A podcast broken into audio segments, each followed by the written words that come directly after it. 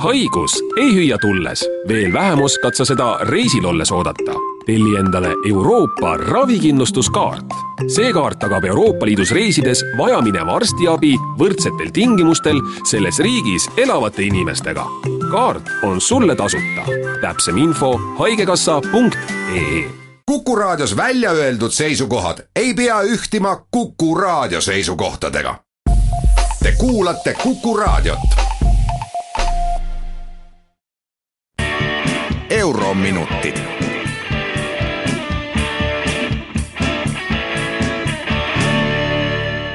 tere päevast, kallid Kuku raadio kuulajad. eetris on Eurominutid ja Kersti Kaljulaid. kõigepealt natukene rõõmsaid uudiseid. Euroopa Liidu tööpuudus püsib stabiilne ja Prantsusmaa majandus näitab elavnemise märke. ka on sealsed majandusagendid üle väga pika aja optimistlikud.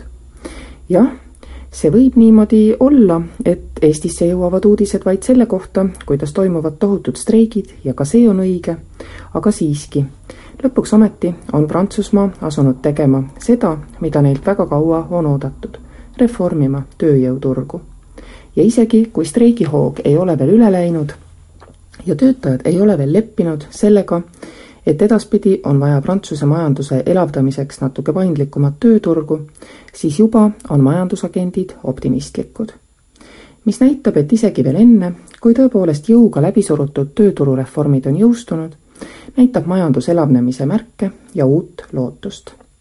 Francois Hollande, kes omal ajal sotsialistide liidrina Schröderi ja Tony Blairi reforme vastavalt Saksamaal ja Suurbritannias väga teravalt kritiseeris kui euroopalike vasakpoolsete väärtuste hülgamist, järgnes neile vähemalt viieteistkümneaastase hilinemisega. muidugi, parem hilja kui mitte kunagi. ja otsustades selle järgi, mis Prantsusmaa ühistranspordis praegu toimub, siis tõepoolest oli põhjust kõhelda kõik ei paista muidugi ülearu roosiline, nimelt Euroopa pangad ei saa kuidagi käima laenamist Euroopa erasektorile. raha on neil kõvasti, hoiustajaid jätkub vaatamata olematutele intressidele. Euroopa Keskpank ei oska kuidagi enam välja mõelda, kuidas ta saaks inflatsiooni tuua kahele protsendile lähemale. keskpank on juba üle aasta asunud positsioonil, et tema võimalused on vaid osta aega ülejäänu peaksid siiski tegema liikmesriigid läbi struktuursete reformide ja võib-olla ka eelarvepoliitikat Maastrichti kriteeriumide ülemises lubavamas ääres hoides. nüüd on Keskpanga bilansimaht kahanemas, sest nad maksavad tagasi esimese suurema pankade abistamiseks mõeldud emissiooni ja TLTRO, teine uus sarnane mehhanism, tõenäoliselt ei ole nii mahukas, kui oli esimene sest et pangad lihtsalt on palju paremini kapitaliseeritud. pluss ei leia, nagu öeldud, kohta, kuhu raha investeerida nagunii. huvitaval kombel tuli samal ajal aga Euroopa Komisjonist uudis, et kuigi raha on Euroopas kõvasti ja seda ei ole mitte kuhugile panna, siis Junckeri plaanil läheb väga edukalt ja täiendavate riiklike garantiidega saab laenata küll. nüüd on tekkinud plaan Junckeri seda raha kulutamise projekti veelgi laiendada ja veelgi täiendada. jääb mulje, et varsti ei võta ükski ettevõte Euroopas enam mitte midagi ette, ilma et ta ei saaks selleks Euroopa Komisjonilt väikest garantiid, olgugi et läbi Euroopa Investeerimispanga. imelik on rahamaailm.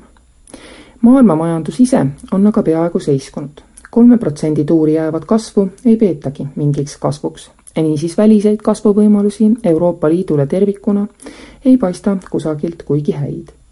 kuid rõõmsad prantslased, uuesti refinantseeritav Kreeka, seejuures ilma suurema tülinata, on siiski põhjus rõõmustada. ja riigipoolse sekkumise toetajatele meeldib kindlasti ka Junckeri uljas plaan üha enam ja enam pakkuda avaliku sektori toel majanduses investeerimisvõimalusi riikidele endile muidugi on finantsmaailm praegu suhteliselt tardunud seisundis enne Brexiti hääletust. ilmselgelt tuleb pahandus ja segadus, kui britid otsustaksid lahkuda. kui aga otsustavad jääda, võib see otsus juba ise olla stiimuliks, mis Euroopa majanduse teise poolaasta rõõmsamaks muudab. kui otsustatakse minna, siis läheb kindlasti hulluks kakluseks Pariisi ja Frankfurdi vahel sest kellelegi peab nende arvates saama Euroopa Liidu finantspealinna tiitel teistel läheb muidugi kurvemaks pärast Brexiti negatiivset otsust vähem reaalse majandusliku kahju tõttu kui selle sentimendi tõttu, et Euroopa on kaotamas olulist majanduslikult tugevat ja suure turuga liiget. sellest tuleb esialgne šokk ja järgneb pikaajalisem majandusprobleem, eelkõige Suurbritannias endas, aga kuidagi ei saa uskuda, et ülejäänud Euroopa sellest puutumata jääks. kahtlemata ei kavatse Suurbritannia Euroopa ühisturult lahkuda ja tema uue koostöömudeli realiseerumiseni jääb juuni lõpus veel mitu aastat kuid tekkiv segadus iseenesest on samamoodi halb. arvata võib, et Brexitiga või Brexitita mingisugune oluline rethinking Euroopas peale seda maagilist kuupäeva algab. paljud Euroopa poliitikud saavad aru, et midagi suurt ja paradigmalist peab muutuma võimalik, et tuleb mitte ainult Suurbritannia, vaid ka teiste riikide kontekstis võtta korraks arutelule, mida siis see Ever Closer Union ikkagi tähendab Euroopa Liidu eliidiprojekti või naturaalset ja üldiselt kasulikku arengut. kas Ever Closer tähendab suurt negatiivset ja regulatiivset koostööd, mis on koormaks majandusele, või on majandusliit siiski praktilisem lahendus, selline lahendus, kus saab vabalt üheskoos kaubelda, vabalt ringi liikuda, vabalt ka teenuseid pakkuda. kas vabadus on vabadus või on see reguleerimine? mis saab ühtsest Euroopa kaitsekoostööst? kõik need teemad peaksid tulema lauale. Neid seal ei ole, sest et on referendum. kui see saab mööda, ükskõik kumb tulemus vallandab kindlasti uuesti mõttetöö Euroopa tuleviku teemal, mis praegu on täiesti kinni külmutatud. Referendumist mõnevõrra sõltumatumalt on kulgenud Poola konflikt Euroopa Komisjoniga ja institutsioonidega laiemalt. sõnavõtud on teravad mõlemalt poolt, aga eriti Poola poolt seal paistab olevat arvamus, et kui Ungari saab komisjoni rahulolematusega elada ja arendada kontrollitud demokraatiat, siis miks ei peaks Poola seda saama? teised liikmesriigid, mõistes riikide suveräänset õigust oma põhiseadusi arendada, ei tea ka, kui kaugele sekkumisega minna. Kuna on oht demokraatiale nii suur, et sekkumine on vältimatu. ja milline on see sekkumine? ignoreerimine, üritada korda teha seda piiri ei ole keegi testinud või õigemini Austrias Jörg Haideri ajal testiti, kuid ilmselgelt on see piir praeguseks kuhugi mujale viidud ja tuleb uuesti üles otsida. Poola seda võib-olla praegu teebki. sellest võib kujuneda Euroopa väärtuste seisukohalt teise poolaasta suurim debatt, muidugi juhul, kui Brexit ära jääb. Euroopa Majandusühendust ei pane keegi kahtluse alla, ühisturu kasulikkust samuti mitte kuid kogu see pealisehitus, nii umbes kahekümne viie viimase aasta töö, Schengen, euroala, inimõiguste harta sissetoomine Euroopa lepingusse, liberaalsed väärtused. palju on neid, kes seavad sellised asjad küsimärgi alla. seda isegi juhul, kui ka nende enda põhiseadused on nende euroopalike väärtustega vägagi kooskõlas.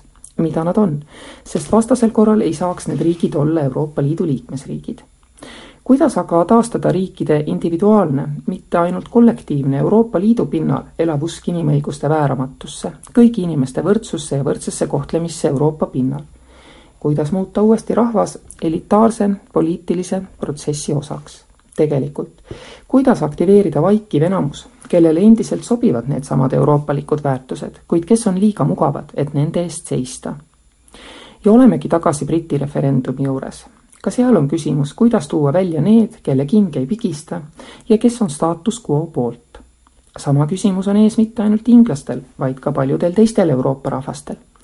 millal satub piisavalt kahtluse alla vaba Euroopa nii, nagu me teda oleme tundma õppinud viimase kahekümne aasta jooksul, et aktiveeruks keskklass, kellel sellest vabast Euroopast on piisavalt palju võita, kes vaba Euroopat iga päev kasutab piiride ületamiseks, kauplemiseks ja nii edasi kas Euroopa riigid oskavad välja mõelda midagi, mis pikas majandusstagnatsioonis on muutunud inimestele vastuvõetamatuks, rikkuse kontsentreerumise vastu?